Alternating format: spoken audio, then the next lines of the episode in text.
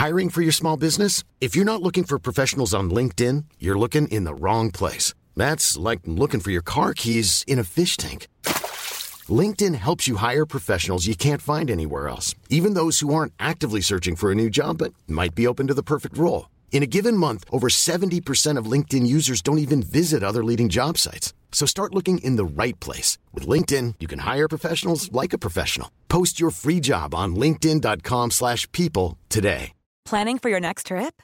Elevate your travel style with Quince. Quince has all the jet-setting essentials you'll want for your next getaway, like European linen, premium luggage options, buttery soft Italian leather bags, and so much more. And is all priced at 50 to 80% less than similar brands. Plus, Quince only works with factories that use safe and ethical manufacturing practices. Pack your bags with high-quality essentials you'll be wearing for vacations to come with Quince. Go to quince.com/pack for free shipping and 365-day returns. Flexibility is great. That's why there's yoga. Flexibility for your insurance coverage is great too. That's why there's United Healthcare Insurance Plans. Underwritten by Golden Rule Insurance Company, United Healthcare Insurance Plans offer flexible, budget friendly coverage for medical, vision, dental, and more. One of these plans may be right for you if you're, say, between jobs, coming off your parents' plan, turning a side hustle into a full hustle, or even missed open enrollment. Want more flexibility? Find out more about United Healthcare Insurance Plans at uh1.com.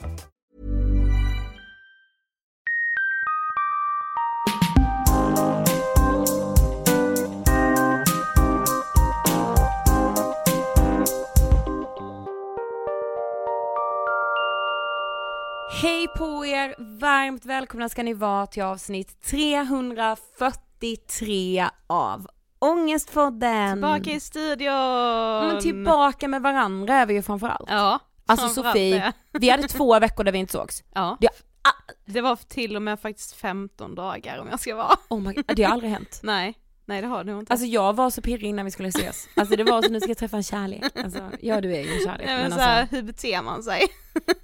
det är också så att vi har förbandat en del avsnitt så vi har inte pratat om liksom vad som har hänt i våra liv, vad som händer i världen och vi kanske ändå ska börja där. Ja, vi tänker väl bara att vi först och främst bara vill eh, uppmärksamma det som händer i Afghanistan just nu.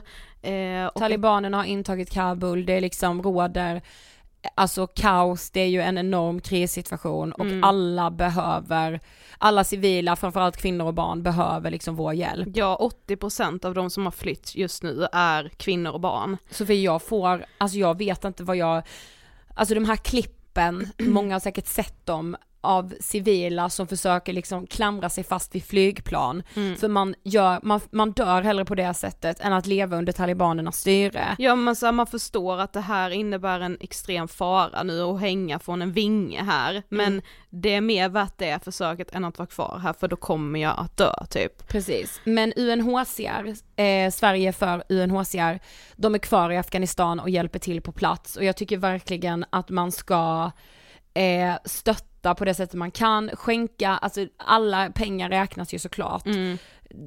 Alltså jag läste att så här, UNHCR skriver på sin Instagram att det här är en av nutidens största kriser för människor på flykt. Mm. Ja men det är så inhumant, alltså man kan ju såklart inte sätta sig in i den situationen överhuvudtaget, men man kan i alla fall försöka utbilda sig och bara hjälpa till i den mån man känner att man kan. Och som sagt, gå in på Sverige for UNHCR på Instagram så finns dels information om vad som händer men också hur man kan hjälpa till och skänka pengar. Ja. Men hur mår du annars då? Åh gud, Sofie, vilken sommar det har varit. Ja. Alltså för mig känslomässigt har det varit eh, kaos. Ja. Och jag förstår inte hur det kan bli så varje sommar. Jag är just nu i ett läge av att jag eh, klandrar mig själv väldigt mycket för att jag jag känner mig som en jobbig person som så kräver min rätt, kräver att bli respekterad, kräver att bli lyssnad på. Fan fundamentala jävla mänskliga rättigheter som jag helt plötsligt borde fråntas för att det finns män som tycker att jag inte borde liksom Män tycker att så här, du är en hysterisk kvinna. Mm. Eh, och nej men alltså, du och jag har ju börjat hata det. ja. Alltså jag är såhär, jag har ingenting, jag har no mercy med det här och det är liksom Ja men det har hänt saker, alltså det är så här, vi har förödmjukats offentligt, det är en person som har så tagit vår bok och kastat den i soptunnan. Ja. Vad är, vad, Nej men jag känner mest bara att jag har nog aldrig varit så sugen på att komma tillbaka till Stockholm, på att börja jobba igen, på att få lite höst, även om det inte är höst riktigt ännu, så bara liksom Ja, jag har haft en bra sommar, alltså det är inte så att jag liksom Nej, hatat, har jag hatat den här sommaren och bara vill lägga den bakom mig, absolut inte. Men jag har nog heller aldrig längtat så mycket ifrån en sommar ändå, Nej. trots allt. alltså jag är också, och detta är så cheesy, men jag är jättekär i min kille. Åh vad fint! Nej men du vet vi är verkligen så, vi är inne i så, fan vad jag varit kär i honom den här sommaren, på ett sinnessjukt sätt. Ja, Men hur mår du, alltså hur mår du också i den här konflikten, eller konflikt, jag vet inte vad jag ska kalla det. Alltså jag orkar inte kalla det någonting. Men jag är så här, det här är mitt forum, jag mår piss, jag Ja. känner mig, alltså jag skulle kunna dra så mycket paralleller till patriarkat, till kvinnohat, till hur strukturer fungerar. Mm. Jag orkar inte just nu, men ni kommer få lyssna mycket på det i höst. Ja, jag kan väl bara säga att jag mår i, jag är i det läget där jag bara säger jag orkar inte lägga en minut på det just nu. Men Alltså, hur, alltså hur gör man det, hur orkar man inte det? Jag, det är ju det, jag, alltså jag har pratat hela sommaren med mamma och pappa om att jag eh, kanske ska göra en ADHD-utredning för att jag undrar hur man inte orkar det, alltså min hjärna är aldrig tyst om det här. Min hjärna kräver svar. Jag vet inte hur man går vidare annars. Det är nog mer att jag har gett upp tror jag. Alltså jag har Ja. gett upp eh, att och alltså jag få... säger inte det så här hur som i något negativt, Nej, det, alltså jag det undrar jag inte. bara. Jag, alltså, Nej, och jag förklarar bara att jag, jag eh, tror att jag kan känna så för att jag har tappat hoppet om att jag ska få någon slags upprättelse. Jag eh, har ju upptäckt att man kan se på situationer och relationer och eh, sjuka beteenden på väldigt olika sätt och hantera dem på olika sätt och det kan jag typ acceptera. Eh, sen kan jag såklart inte acceptera vad jag har behövt vara med om och det tycker jag är för jävligt och då tycker jag också det är ännu mer för jävligt att folk inte står upp för mig. Eh, och då känner jag en besvikelse, ja och så tappar jag hoppet, ja men det är typ så. alltså får jag berätta om en situation som är så här, som spelas upp för mig varenda dag. Mm. Eh, I somras så är det en eh, gammal vän som, eh, jag har sett den här personen som en vän, eh, som tittar mig i ögonen och säger jag respekterar inte dig och Sofie. Mm. Och när det här sägs så sitter det personer som jag har sett som mina vänner och hör det här och ingen säger ifrån. Mm. Och jag, alltså det spelas upp för mig varje dag. Alltså jag kan knappt prata om det nu för att jag blir så ledsen. Ja jag fattar det och det är för jävligt. alltså det är så, det är bland det lägsta jag har eh, varit med om, nu var inte jag där men alltså det lägsta jag har hört. Det har hänt kul saker. Vi har varit, alltså vi har fått en sån fin uppsats om oss. Nej men det är som ett, alltså, Nej men vi har fått den finaste, finaste, finaste presenten som man kan få av en annan människa. Anna Ja. från Lunds universitet Ja. som hörde av sig till oss för, men förra hösten Mm. och sa att hon skulle göra sin masteruppsats om Ångestpodden. Mm. Hallå, det är det största. Hon ville liksom undersöka eh, vad man kan få för band med någon som har en podd och vad poddfenomenet i sig kan bidra med och det ville hon undersöka genom att göra det med Ångestpodden och, hon, våra lyssnare. hon har djupintervjuat några av er och vi vet ju inte vilka ni är eftersom det är så anonymiserat och såklart i en sån här uppsats. Mm. Men ni som hör det här, alltså jag är er evigt tacksamma. Och de sakerna ni säger, alltså för mig blev det så här, jag är inte ångestpodden utan den lever på något annat sätt. Ja men Och det känns som en ära att jag bara får göra den typ. Ja men och det som blev så sjukt med detta, alltså ja, det säger vi ju alltid, men vi är ju alltid och kommer alltid vara så extremt tacksamma för alla som skriver till oss och berättar om vad Ångestpodden har betytt och, eller ni som säger det när- om ni träffar oss eller liksom skickar DM eller mail eller vad som helst. Men det som blev så sjukt med detta var att folk sa så fina saker trots att de vet att vi aldrig kommer kunna tacka dem personligen, för de visste ju att de skulle vara anonyma. Ja. Och då blev det typ en ny nivå av tacksamhet. Och det var så fint också när Anna då som har gjort den här uppsatsen liksom frågade så här, men vad tror ni är liksom grundbudskapen med Ångestpodden? Mm. Och det var varenda ord vi har sagt sedan avsnitt ett. Ja. Alltså det var så, Alltså- nej men det var så jävla häftigt. Om man vill läsa den så Ja. finns den ju att läsa, eh, för det är ju liksom en uppsats som vilken Precis. uppsats som helst. Den heter Eller en In- avhandling typ, alltså. Ja, den heter Intimate Listening, Exploring Audience Podcast Experience Through the Case of Ångestpodden. Ja. Om man vill läsa den. Och det vill man tror jag. Ja, Vi är denna veckan sponsrade av Hemmakväll. ja men våra otroliga vänner som vi har haft med oss i Ångestpodden nu rekordlänge.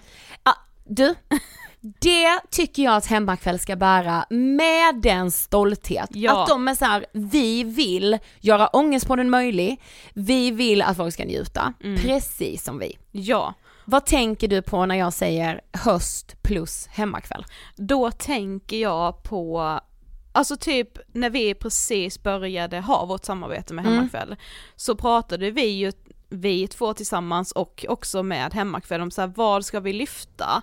Ja, Och hur vi bara kände då att så här, hemmakvällen känns lite hotad. precis. Eh, för att man hela tiden ska göra saker, man ska hela tiden ha någonting på gång, eh, att det är lite fult att bara vilja sitta hemma och inte göra ett skit. Exakt. Eh, och då ville vi slå ett slag för hemmakvällen och det är typ det jag tänker på när jag hör hösten och hemmakväll. Jag ska ha så mycket hemmakvällar!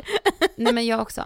Och också med hemmakvälls sortiment. Ja. Alltså förlåt, men jag är ju en liksom motståndare av förbud och att man inte liksom ska äta sötsaker. Det tror jag, jag tror det är jättefarligt att förbjuda eh, sig själv eller andra från att göra det och jag tror det är så viktigt för det gör så gott för själen och det är så gott. Men, men detta känner ju du och jag till men jag vet inte om alla känner till det att på hemmakväll så händer det ju hela tiden något nytt. Oh ja, varje gång man går in där. Ja men alltså är det inte något, ny, liksom, något nytt som dyker upp i lösvikten så är det någon chipspåse eller någon dryck. Ja. Det är ju så här att Hemmakväll har ju en grej som heter först på hemmakväll. Vilket innebär att en produkt kommer absolut allra först till Hemmakväll och då är Hemmakväll de enda som säljer den här produkten. Ibland så är liksom Hemmakväll ensamma om produkten i några dagar men alltså i vissa fall är det i flera veckor. Ja, alltså man skulle kunna göra en grej av att köpa något nytt varje gång man kommer dit. Ja, och eh, jag har precis testat en ny grej som jag bara vill liksom slå ett litet slag Ja för. för du är ändå ansiktet utåt för att älska nyheter. Du Exakt. köper allt som det står new på. Men tror du det är därför vi också jobbar så länge med hemmakväll? För att jag älskar nyheter så mycket. Och för att jag älskar eh, den slappa hemmakvällen så mycket. Ja. Ja, kanske. Eh, plopp apelsin, Ah. låter det spännande? Mm, Du, det den, låter fräscht. den överraskade mig. Okej. Nej men det är lite så, ploppen har ju varit med en för alltid ju. Ja, Eh, så när det kommer då en ny smak på en klassisk smak, ja. det blir lite så spännande. ja men det var något som hände när jag var där för jag trodde nog inte den skulle vara god. Nej okej. Du vet Nej, när man okej, kan ha den så här, det här kanske inte är så bra. Men nu köpte du den för att det var nyheten då? Exakt, Mm, och vad var det? Jo det var 10 av 10. ja, Så om jag hade varit du som lyssnar så hade jag ju köpt plopp apelsin på hemmakväll. gör det. Och ha nu massa mysiga hemmakvällar eh, hela, hela hösten. Tusen tack, hemmakväll. Och idag ska vi göra ett avsnitt som jag tror kommer bli väldigt fint. Tror du det? På ett sätt kan jag tycka att det är lite sjukt att vi inte redan har gjort det. Vi har ändå gjort podden väldigt länge. Ja. Men vi har aldrig gjort ett helt avsnitt om Alltså jag, det, det tar ju emot lite att säga fördelarna med ångest. Positiva saker med ångest. Ja, eller, ja. så här, vad, jag tänker typ mer vad livet liksom faktiskt kan bli i det stora hela om man kanske har haft perioder med mycket ångest. Mm. Vad det kan ge en på något sätt. Ja. Alltså jag tänkte så mycket på det igår för att så här, jag, jag blir ju orolig att det här avsnittet ska landa fel på något sätt. Alltså det är ju svårt att prata om så här positiva saker med ångest. För det är så jäkla lätt att det blir så här solskenshistorier, jag var deprimerad, sen kom jag ut på andra sidan och nu tog jag lärdom av det och lever liksom happy, happy, happy. Ja eller typ så här, ADHD är min superkraft, alltså hela den Ja precis, och det finns ju liksom olika nivåer av ångest, där liksom ångest inför att typ hålla i en presentation kanske, det kan ju sporra en men du kan ju få ångest som gör dig ja men helt lamslagen liksom. Ja. Och det är ju inte den liksom tyngre, jobbigare ångesten som vi menar kan ha positiva sidor. Riktigt. Men, och nej precis, och du vet det är ju ofta så här som att jag har haft en mörk period i mitt liv, då hade jag ångest. Men, Men sen se- kom jag aldrig now. Ja exakt. Alltså, men nu lever jag efter den här, de här 15 livsreglerna, Jordan B Peterson Ja, och så, precis. nej men du vet. Och så alltså- är det ändå Jordan B Peterson som mår piss. Ja men Mm, exakt, ja, mm. alltså, du, ja men du vet, alltså det är ju farligt, för jag vill ju inte att det här avsnittet ska bli så. Nej, Att så här, du tar lärdom. Mm. Alltså jag fattar, för vissa kommer det suga så in i helvete. Ja men jag tänker också att så här, det kan ju vara positiva sidor som är att nej, själva perioden när man mår piss, den ger inga positiva känslor överhuvudtaget. Nej. Men det kan ju liksom typ så ett år senare när man ser tillbaka på den perioden man har varit i kan det ju faktiskt frambringa stolthet, eh, tacksamhet för att man liksom mår bättre nu kanske, eh, och också att man kanske längs med vägen då när man har mått dåligt har hittat verktyg som funkat för en själv, som gör att man blir förberedd på en ny period av dåligt mående. Exakt. Och också så här, om man tar Dels hålla två saker i huvudet samtidigt, det kan suga och sen kan det bli något bra. Mm. Men också så här två steg bak och bara, i det stora hela, kanske jag är en bättre människa av att jag har perioder när jag mår piss. Ja, precis. Men sen fattar jag med att så här, ah, men jag gjorde ett självmordsförsök.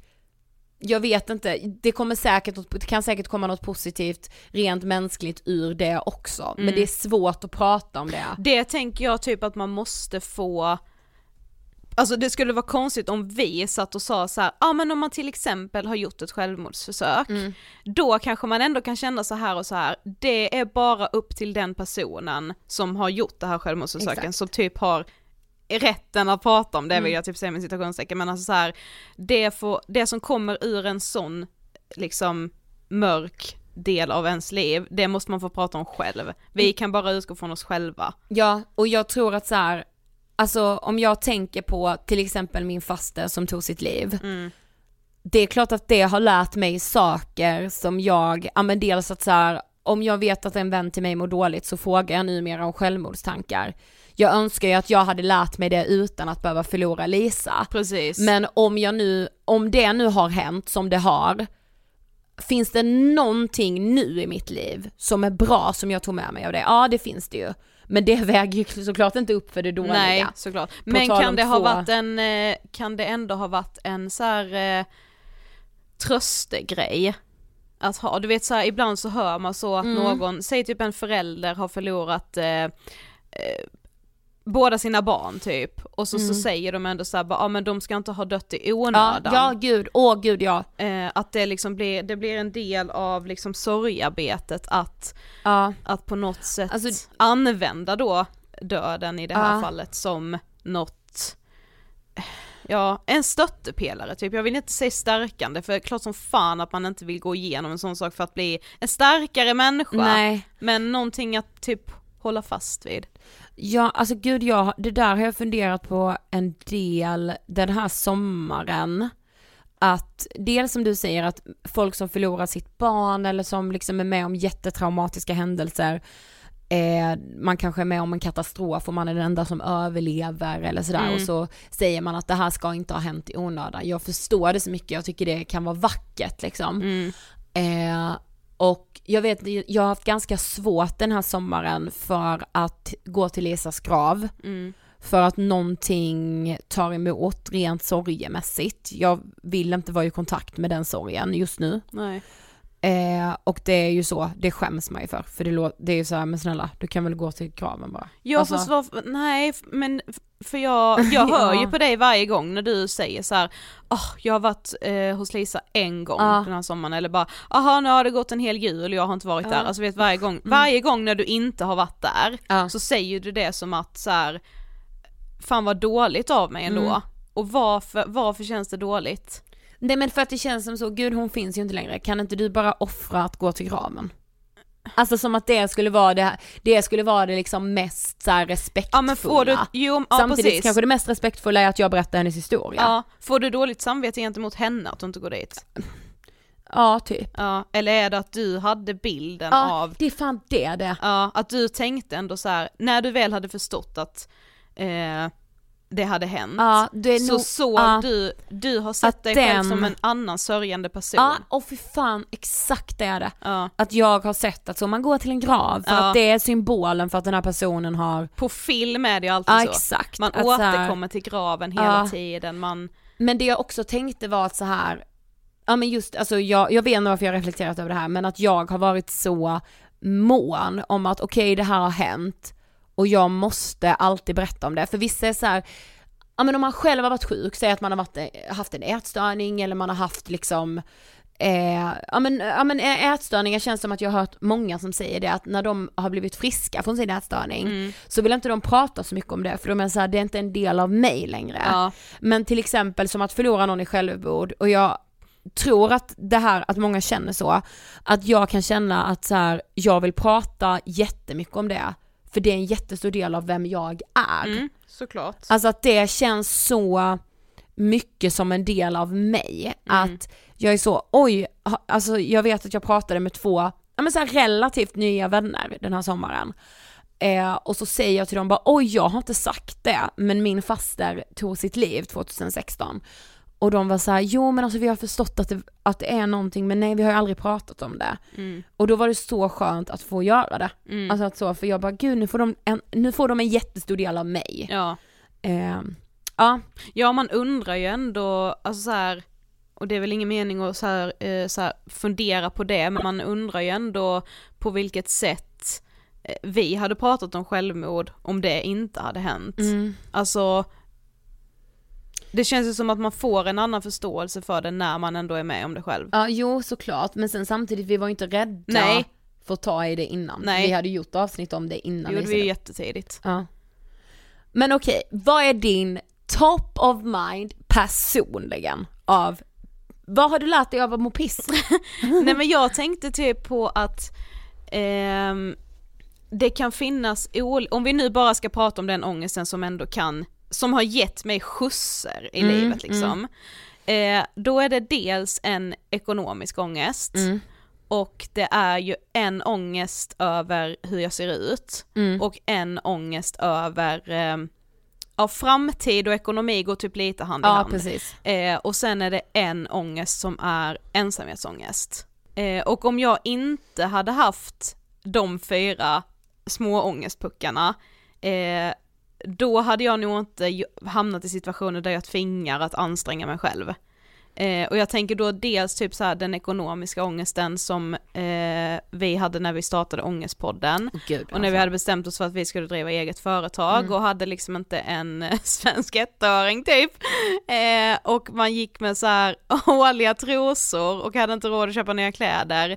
Men hade jag haft en trygghet rent ekonomiskt, då hade jag ju heller inte tvingat mig själv att så sitta och försöka sälja in vår föreläsning. Jag hade kanske inte ens föreläst för att jag tyckte det var jättejobbigt. Ett tag fick jag typ scenskräck och hatade att föreläsa. Jag tyckte det var så jävla jobbigt. Men jag gjorde det ändå för att jag var ju tvungen. Och det kan ju liksom, det tror jag ändå många kan liksom sätta in sig i att så här, det är klart man kan tycka att saker är jävligt jobbigt men man måste göra det för att klara sig. Men typ, alltså ja och den ångesten typ, alltså i form av att exempelvis driva eget som vi gör, Mm. den ångesten tycker jag ju om. Mm. Alltså det är så här, nej det är ingen skön känsla i stunden att känna så fuck, ekonomisk ångest, framtid, la la la. Men jag tycker ju om den, för jag jobbar ju fan i mig hårdare Ja av men den. det är ju en ångest som man, jag verkligen, verkligen kan romantisera när Mm. jag inte är mitt i den. Alltså Exakt. där och då var det för jävligt. alltså jag kunde inte sova på nätterna. Inte jag För att heller. jag bara det här kommer inte gå, alltså det, nej men det kommer inte funka, jag har inga pengar så hur fan ska jag klara Och mig då liksom. hade vi ju inte heller liksom, alltså man var så naiv så att jobba så dag och natt natt. Ja. Gjorde ingen, alltså så här, jag minns den första våren när vi hade sagt upp oss och vi samtidigt skulle starta en webbshop och vi skulle, och jag fick så feber varannan vecka. Ja. Ett tag. Så bara, men, ja du blir sjuk hela tiden för du sover ju inte. Du och du är så här, Ja du är helt sönderstressad. Ja. Men liksom, alltså det är ju såklart, det är inget man pallar länge, Nej. men i perioder och att så här, vi, det är klart att vi alltid har någon ekonomisk ångest i form av att så här, vi Jo man slappnar egna, aldrig helt av. nej vi måste alltid liksom, alltså det är så här, ens eget levebröd måste vi också själva dra in. Ja man vet ju aldrig hur nästa år kommer se ut Nej, liksom. men samtidigt delar jag. Mm. För att jag är på tårna. Men jag tänker lite att det kan vara samma sak som nu, jag tänker bara i den här perioden liksom nu när liksom högskolorna börjar igen och många kanske flyttar nu till en helt ny stad, känner inte en människa. Eh, vissa tycker det är jättekul, jag hade mått så dåligt av det. Vad sjukt jag, att du säger detta för jag funderade ju alltså på detta i morse när jag gick upp. Ja, jag, alltså jag, jag, jag vill ju tro, eller det Normally, being a little extra might be a bit much, but not when it comes to healthcare. That's why United Healthcare's Health Protector Guard fixed indemnity insurance plans, underwritten by Golden Rule Insurance Company, supplement your primary plan so you manage out of pocket costs. Learn more at uh1.com. Want flexibility? Take yoga. Want flexibility with your health insurance? Check out United Healthcare Insurance Plans. Underwritten by Golden Rule Insurance Company, they offer flexible, budget friendly medical, dental, and vision coverage that may be right for you. More at uh1.com. Mom deserves the best, and there's no better place to shop for Mother's Day than Whole Foods Market. They're your destination for unbeatable savings, from premium gifts to show-stopping flowers and irresistible desserts. Start by saving 33% with Prime on all body care and candles. Then get a 15-stem bunch of tulips for just $9.99 each with Prime. Round out Mom's menu with festive rosé, irresistible berry chantilly cake, and more special treats. Come celebrate Mother's Day at Whole Foods Market. Som att jag inte skulle klara av en sån sak. Sen vill jag såklart hoppas att jag hade gjort Ja. det, men inte utan att må Nej, men, fruktansvärt dåligt. alltså piss, piss, piss eller piss. Ja, bara för att så här, åh socialisera sig med nya människor, hatar det. Hatar. Mingla runt, kan inte det. Eh, känna mig liksom att inte ha en, en given plats Ah. i ett rum. Ja, jag, alltså jag har jävla svårt för det alltså. Fy fan, men då tänker jag ändå att så här, men man kanske ändå, jag vet ju att vi inte är de enda som känner så, men man gör det ändå för att man har ett tydligt mål med att så här, det finns inget annat jag vill plugga, jag har inget val. Nej, så jag ska bli läkare Ja. om det nu är det. och Alltså nu så. känner jag ingen annan som ska plugga Nej, här. Jag ska bli socionom, jag behöver det här. Ja, Alltså, precis, jag måste. Ja men verkligen. Jag tänker ju mest på såklart att så här. alltså vad visste jag om mig själv innan? Mm. Alltså rent så här, ja nej jag visste ju inte till exempel när jag fick panikångest att jag hade det eller att jag hade gadd, alltså så de grejerna. Men också bara så här. men du behöver, nej men eh, detta är så tydligt för mig i till exempel terapi. Eh, Jag kan inte vara ensam och jag vill verkligen ha folk runt omkring mig hela tiden. Nej det vill du inte. Nej. Du, du samlar ju din energi när du får vara ensam. Mm. Jag kan inte vara ensam i mina tankar. Jo, du det kan du verkligen vara. Ja. Alltså du vet de sakerna som har blivit mina sanningar, men Mm. genom terapin har jag ju lärt mig att alltså nej, det är raka motsatsen. Mm.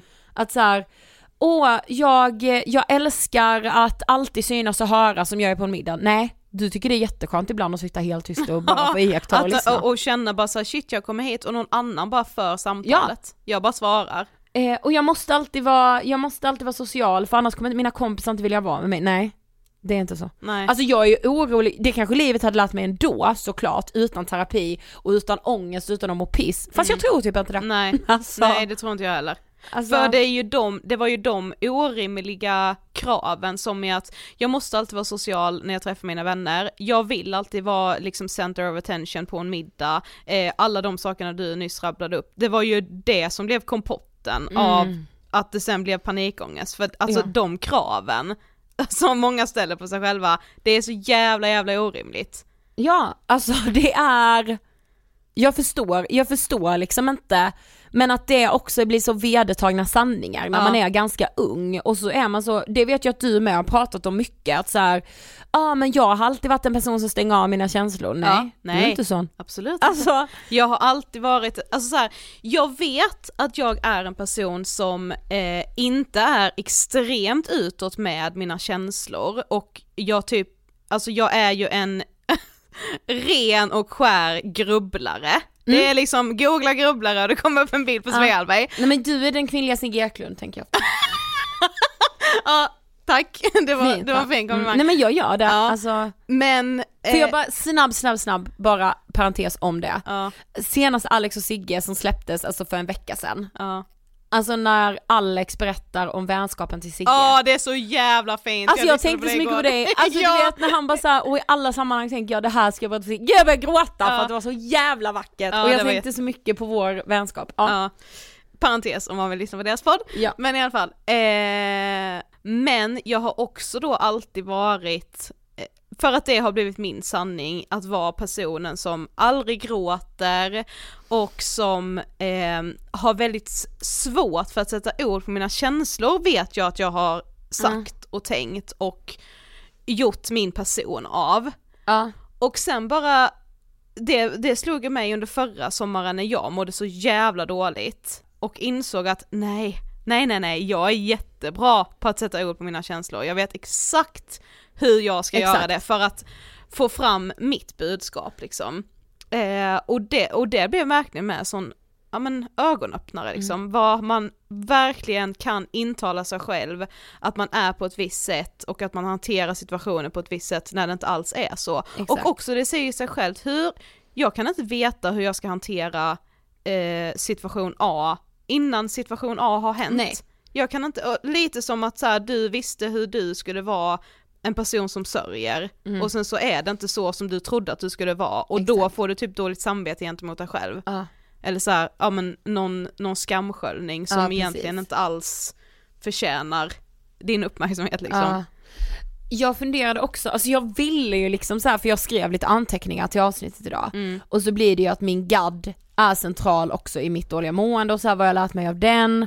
Ja jag kanske har lärt mig att så här, oro kommer inte hålla någon vid liv till exempel. Ja. Alltså, alltså eller så här, det, jag minns det som en så här, som ett genombrott i min terapi när Alltså när jag får liksom GAD förklarat för mig och att min psykolog säger att, men det kan vara så här att känslan av att du oroar dig för att dina föräldrar ska dö,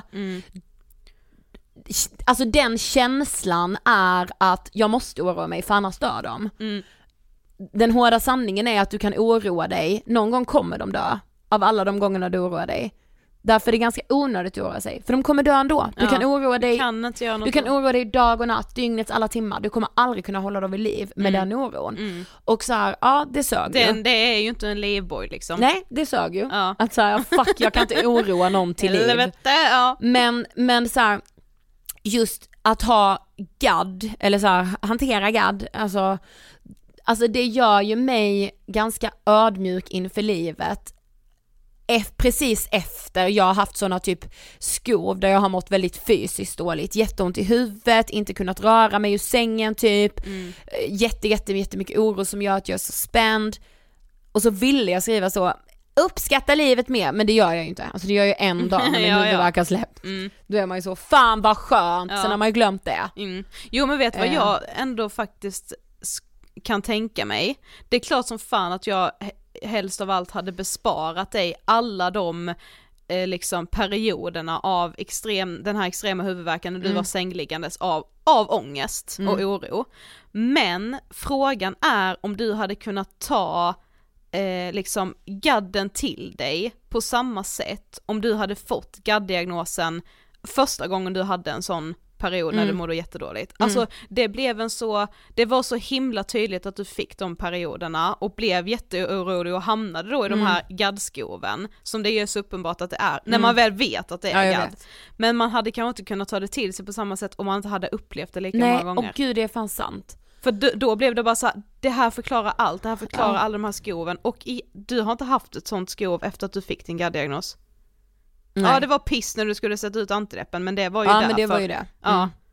Och det är bara så här, tänk vad den kunskapen Ja, nog har räddat ja. dig nu. Alltså, Ja ja. exakt.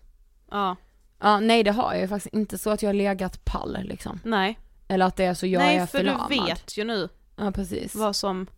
Men skulle du säga att du fortfarande får eh, stoppa mycket orostankar eller har du liksom nu vant din hjärna vid att inte tänka så mycket oroligt? Eller får du fortfarande säga ja ja ja stopp? Alltså ibland märker jag ju inte det. Alltså Nej. så är det ju också. Mm. Alltså ibland kan jag ju oroa mig pissmycket. Ja men det kan väl, Ja det kan alla, verkligen. Men alltså så orimlighet, alltså jag, alltså gud det, det kanske inte kommer på exakt samma frekventa sätt. nej. Alltså jag vet inte. För Alltså KBT, vet jag säger bara alltså. KBT. Alltså ja. KBT För det är det som är det så jävla sjuka också med KBT att helt plötsligt så har man bara ett ändrat tankesätt. Ja. Man kan inte ens, du kan inte svara på de här frågorna nu Nej. för att det är så luddigt. Helt plötsligt Ja. så bara mår man bättre för att man kan Alltså så här, livet. om mina föräldrar inte svarar så Mm. blir jag inte lika rädd för att nu har de dött, jag måste sätta mig i en bil, jag måste köra hem till dem, jag måste ta reda på vad de är.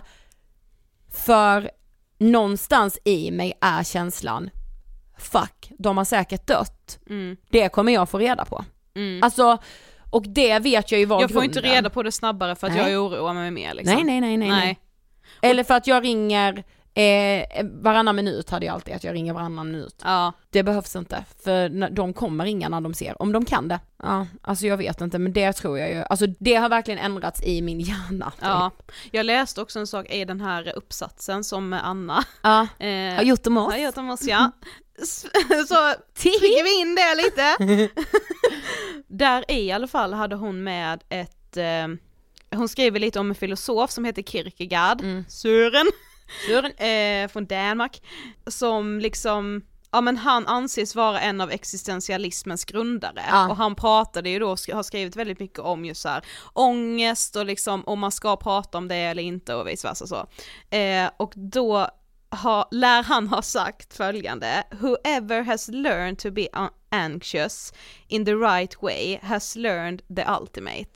Och jag, Oh alltså God. det sa så jävla Ah. mycket, för jag bara kände själv Jag att så här, rös nu. ja, jag undrar verkligen själv, det är klart som fan att ångestpodden är en jättestor del av va- varför jag förstår mig själv på detta Mm. sättet, för annars hade jag nog inte pratat om ångest så mycket om jag inte hade haft ångestpodden, Mm. såklart. Men det, jag, jag tycker bara det, det är liksom kärnan i allt, att om alla bara hade lärt sig att hantera ångest på rätt sätt, Mm. det är liksom då, jag vill inte prata om att då blir man den ultimata människan, för Nej. det, jag gillar inte de uttrycken, men jag tror att det på något sätt är det ultimata, Ja exakt, ja men jag fattar. trots allt. Men och sen som alltså någon, en, en av de största liksom fördelarna med att ha mått dåligt i perioder, att ha liksom haft jävligt mycket ångest.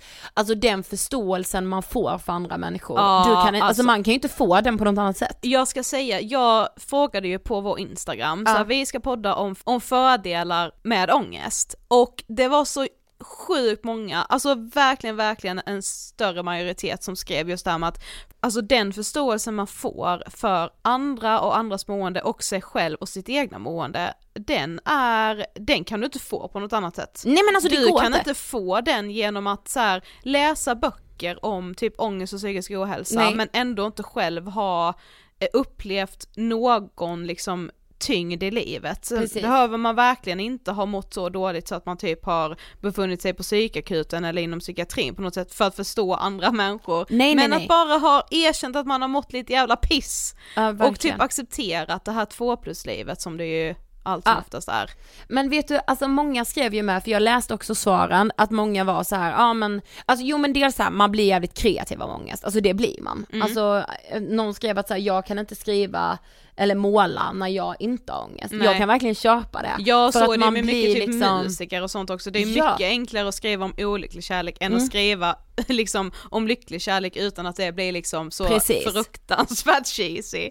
Men så skrev många att det är en motivation och alltså, men så tänkte jag, men okej, var går gränsen för att ångest är motivation och att det är prestationsångest som skadar Mm. en? Det är jättesvårt. Ja, ja men det vet jag verkligen att det var någon som beskrev så himla bra, just att så här, ja, det känns typ fel att säga det för jag vet ju att det handlar om att jag har väldigt mycket prestationsångest, Mm. men att det ju faktiskt ändå gör att jag gör uppgifterna väldigt korrekt och att jag aldrig behöver lämna ifrån mig någonting som jag inte liksom är stolt över. Ja men exakt, men är det inte bra att också kunna lämna ifrån sig saker man inte är så jävla Jo, stolt över? det är det.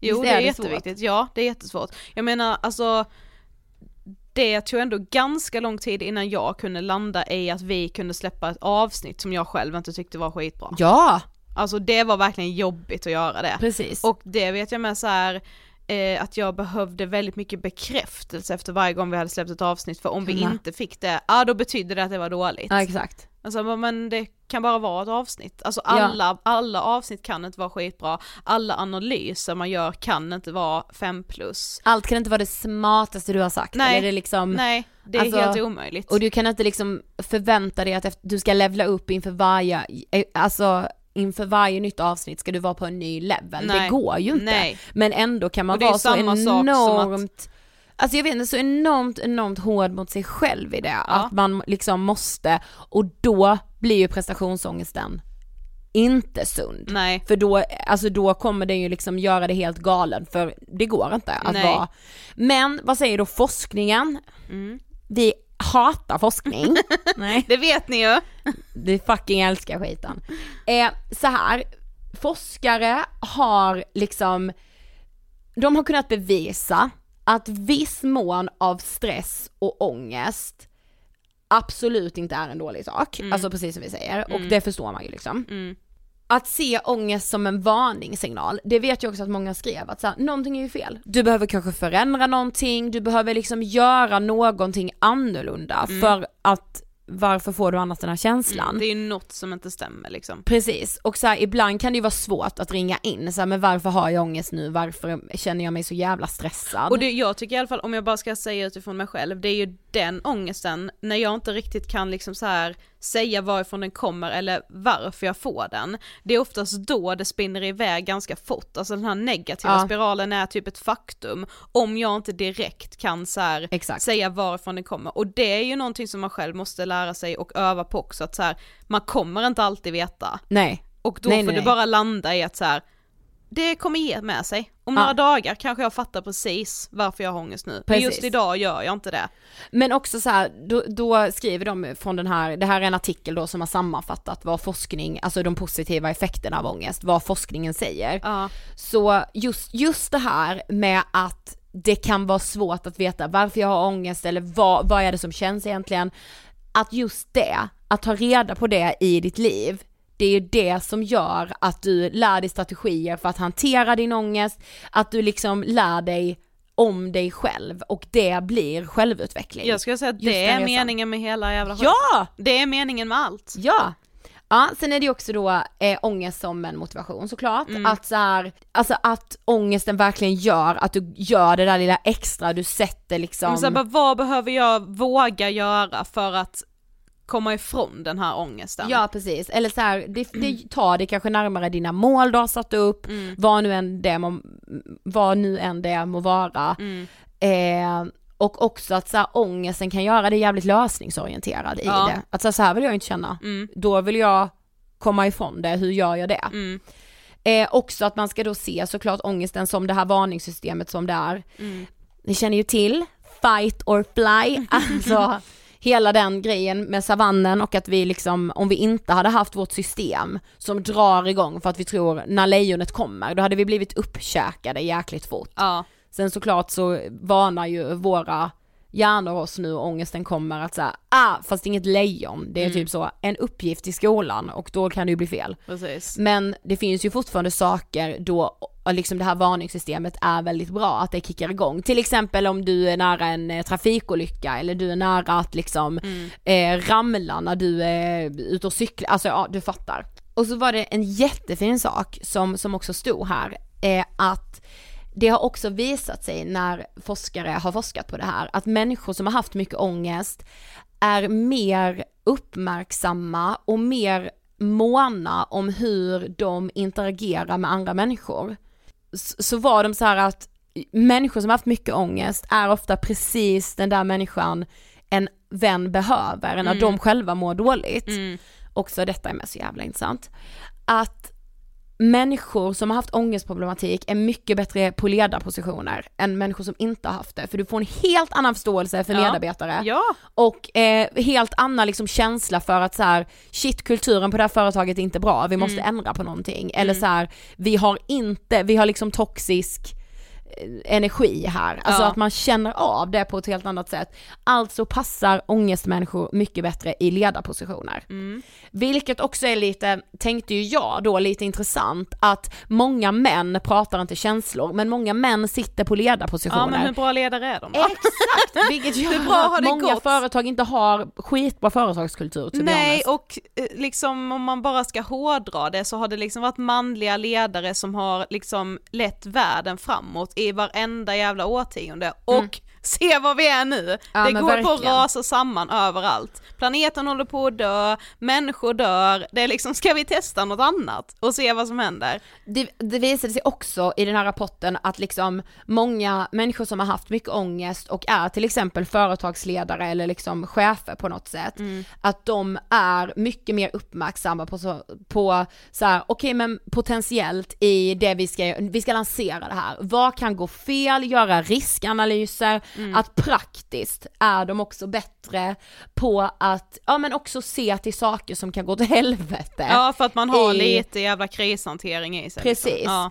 Eh, vilket ju också gör att man kanske blir en mer Ja men eller kanske man blir en mer ödm- ödmjuk person, men också att man fattar försiktiga beslut Ja. och inte bara såhär vi satsar allt, Ja, wow! man är inte så aggressiv i allt liksom. Nej men exakt, Mm. och att man också är en så jäkla bra problemlösare. Ja. Och det, det kan jag med känna med min ångest, det har jag ju blivit av det. Mm, Alltså innan, verkligen. Alltså innan jag hade gått igenom mina kriser i livet, alltså då hade jag, la ju jag mig ner och bara såhär, äh, Ja. någon annan får lösa det här. Ja. Medan man när man går igenom skit, bara jag får lösa det här också. Ja, jag och- klarar ju Ja, för att så här, man kan ju, om man mår dåligt så är man ju verkligen, verkligen beroende av att ha ett starkt liksom, skyddsnät runt omkring sig. Men man måste ju också lösa sin egen skit. Ja. Ingen annan kan liksom så här säga vad, för det är ju det som är så det är väl det som är så utvecklande men det är också det som är så jävla jobbigt när man mår dåligt så önskar man ju bara att någon hade sagt gör så här så kommer du börja må så här men det är ju inte så det funkar. Man sen- måste liksom ta det långa varvet. Ja men ja, alltså verkligen. Men Ja. de, alltså, de avslutar också den här artikeln med att så här, okej, även om det kan finnas positiva saker så att så här, om ångest begränsar dig i ditt liv, det är klart att du ska söka hjälp och Ja. inte tänka, fast vänta det här, Det här är kommer bli bra. ja. Nej, alltså, ditt, alltså ångest ska inte begränsa dig i ditt liv, det måste vi fortfarande komma ihåg. Ja och så här också när man sitter med facit i hand kanske ett år efter att man har mått jävligt dåligt eller bara några månader eller flera år eh, då kan man ju se att det var självutvecklande men man behöver ju inte alltid tänka att allt i livet ska vara självutvecklande för det är det inte. Nej. Det är så mycket perioder It's i not. livet som du går igenom som absolut inte kommer utveckla dig överhuvudtaget. Ja, gud. Liksom, kan vi bara chilla Kan med vi hela den Alltså, vet, du vad självutvecklingsskiten? alla ska få göra den här hösten? Stå och fucking stampa. Ja, hela den självutvecklingsapparaten måste, jag vet Alltså det inte. är så fucking dumt. Ja, Vet du vad jag också tänkte? Vi som har gått igenom ångest, fan vad skönt att inte vara en platt jävel. Nu var det du som sa det inte jag. Så här, jag satt igår och tänkte, hur ska jag säga det utan att låta liksom? Så sa du det var så rätt och slätt. Det var också någon som hade skrivit det bara så här, alltså jag vet inte nu, men jag har ju ändå hört att vi med ångest är lika med smarta. Men alltså, Förlåt men alltså det Ja. är lite sant. Vi gjorde ju faktiskt ett avsnitt, ja det är flera hundra avsnitt sen, med Simon Kyaga som Mm. är forskare och som har forskat på sambandet mellan kreativitet och psykisk ohälsa. Och det finns samband. ja. Det är avsnitt 76 om någon vill lyssna på det. Ja, jätte jätteintressant och spännande. Men det finns alltså ett samband. Eh, så ja, alltså bär din ångest med stolthet. Alltså verkligen. Det säger något om ditt Ja, IQ. alltså det är så här, varför skäms vi för det? ja, jag vet. Nej, alltså det vi premierar i vårt samhälle är när någon bara alltså jag har ju aldrig mått dåligt, jag har alltid varit på en bra plats, själv har jag inte haft någon ångest. Då är vi så, Ja, precis. Vi borde förakta det. Ja, men det, jag gör ju det. Alltså gud, Också jag gör ordet det. förakta det. Ja men se ner på då. Gud Jag vidriga. ju det. De två vidrigaste människorna, varför? Jo, för de har haft ångest och då blir man vidrig. Nej, usch. Ja, nej men jag pallar bara inte med sån glättighet. Nej, men hörni, vi kommer dela lite av vad ni sa på vår Instagram, där Ja. heter vi Angestpodden under Yes. dagen, men vi gör det också till en höjdpunkt om man lyssnar på det här efter Ja, torsdagen vecka 33 2021. 2021. Gud, tänk att vi ska få göra hösten med Ångestpodden nu. Ja, så hösten är härligt. alltid mys. Det är den faktiskt. Ja, det kommer ju komma, alltså det kommer komma så mycket kul. Får jag också säga, den poddserien vi ska göra i år, Mm.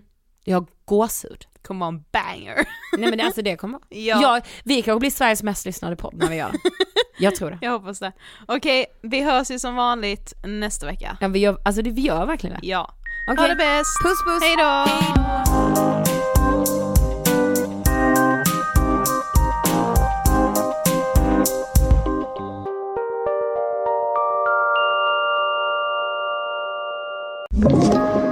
Podplay.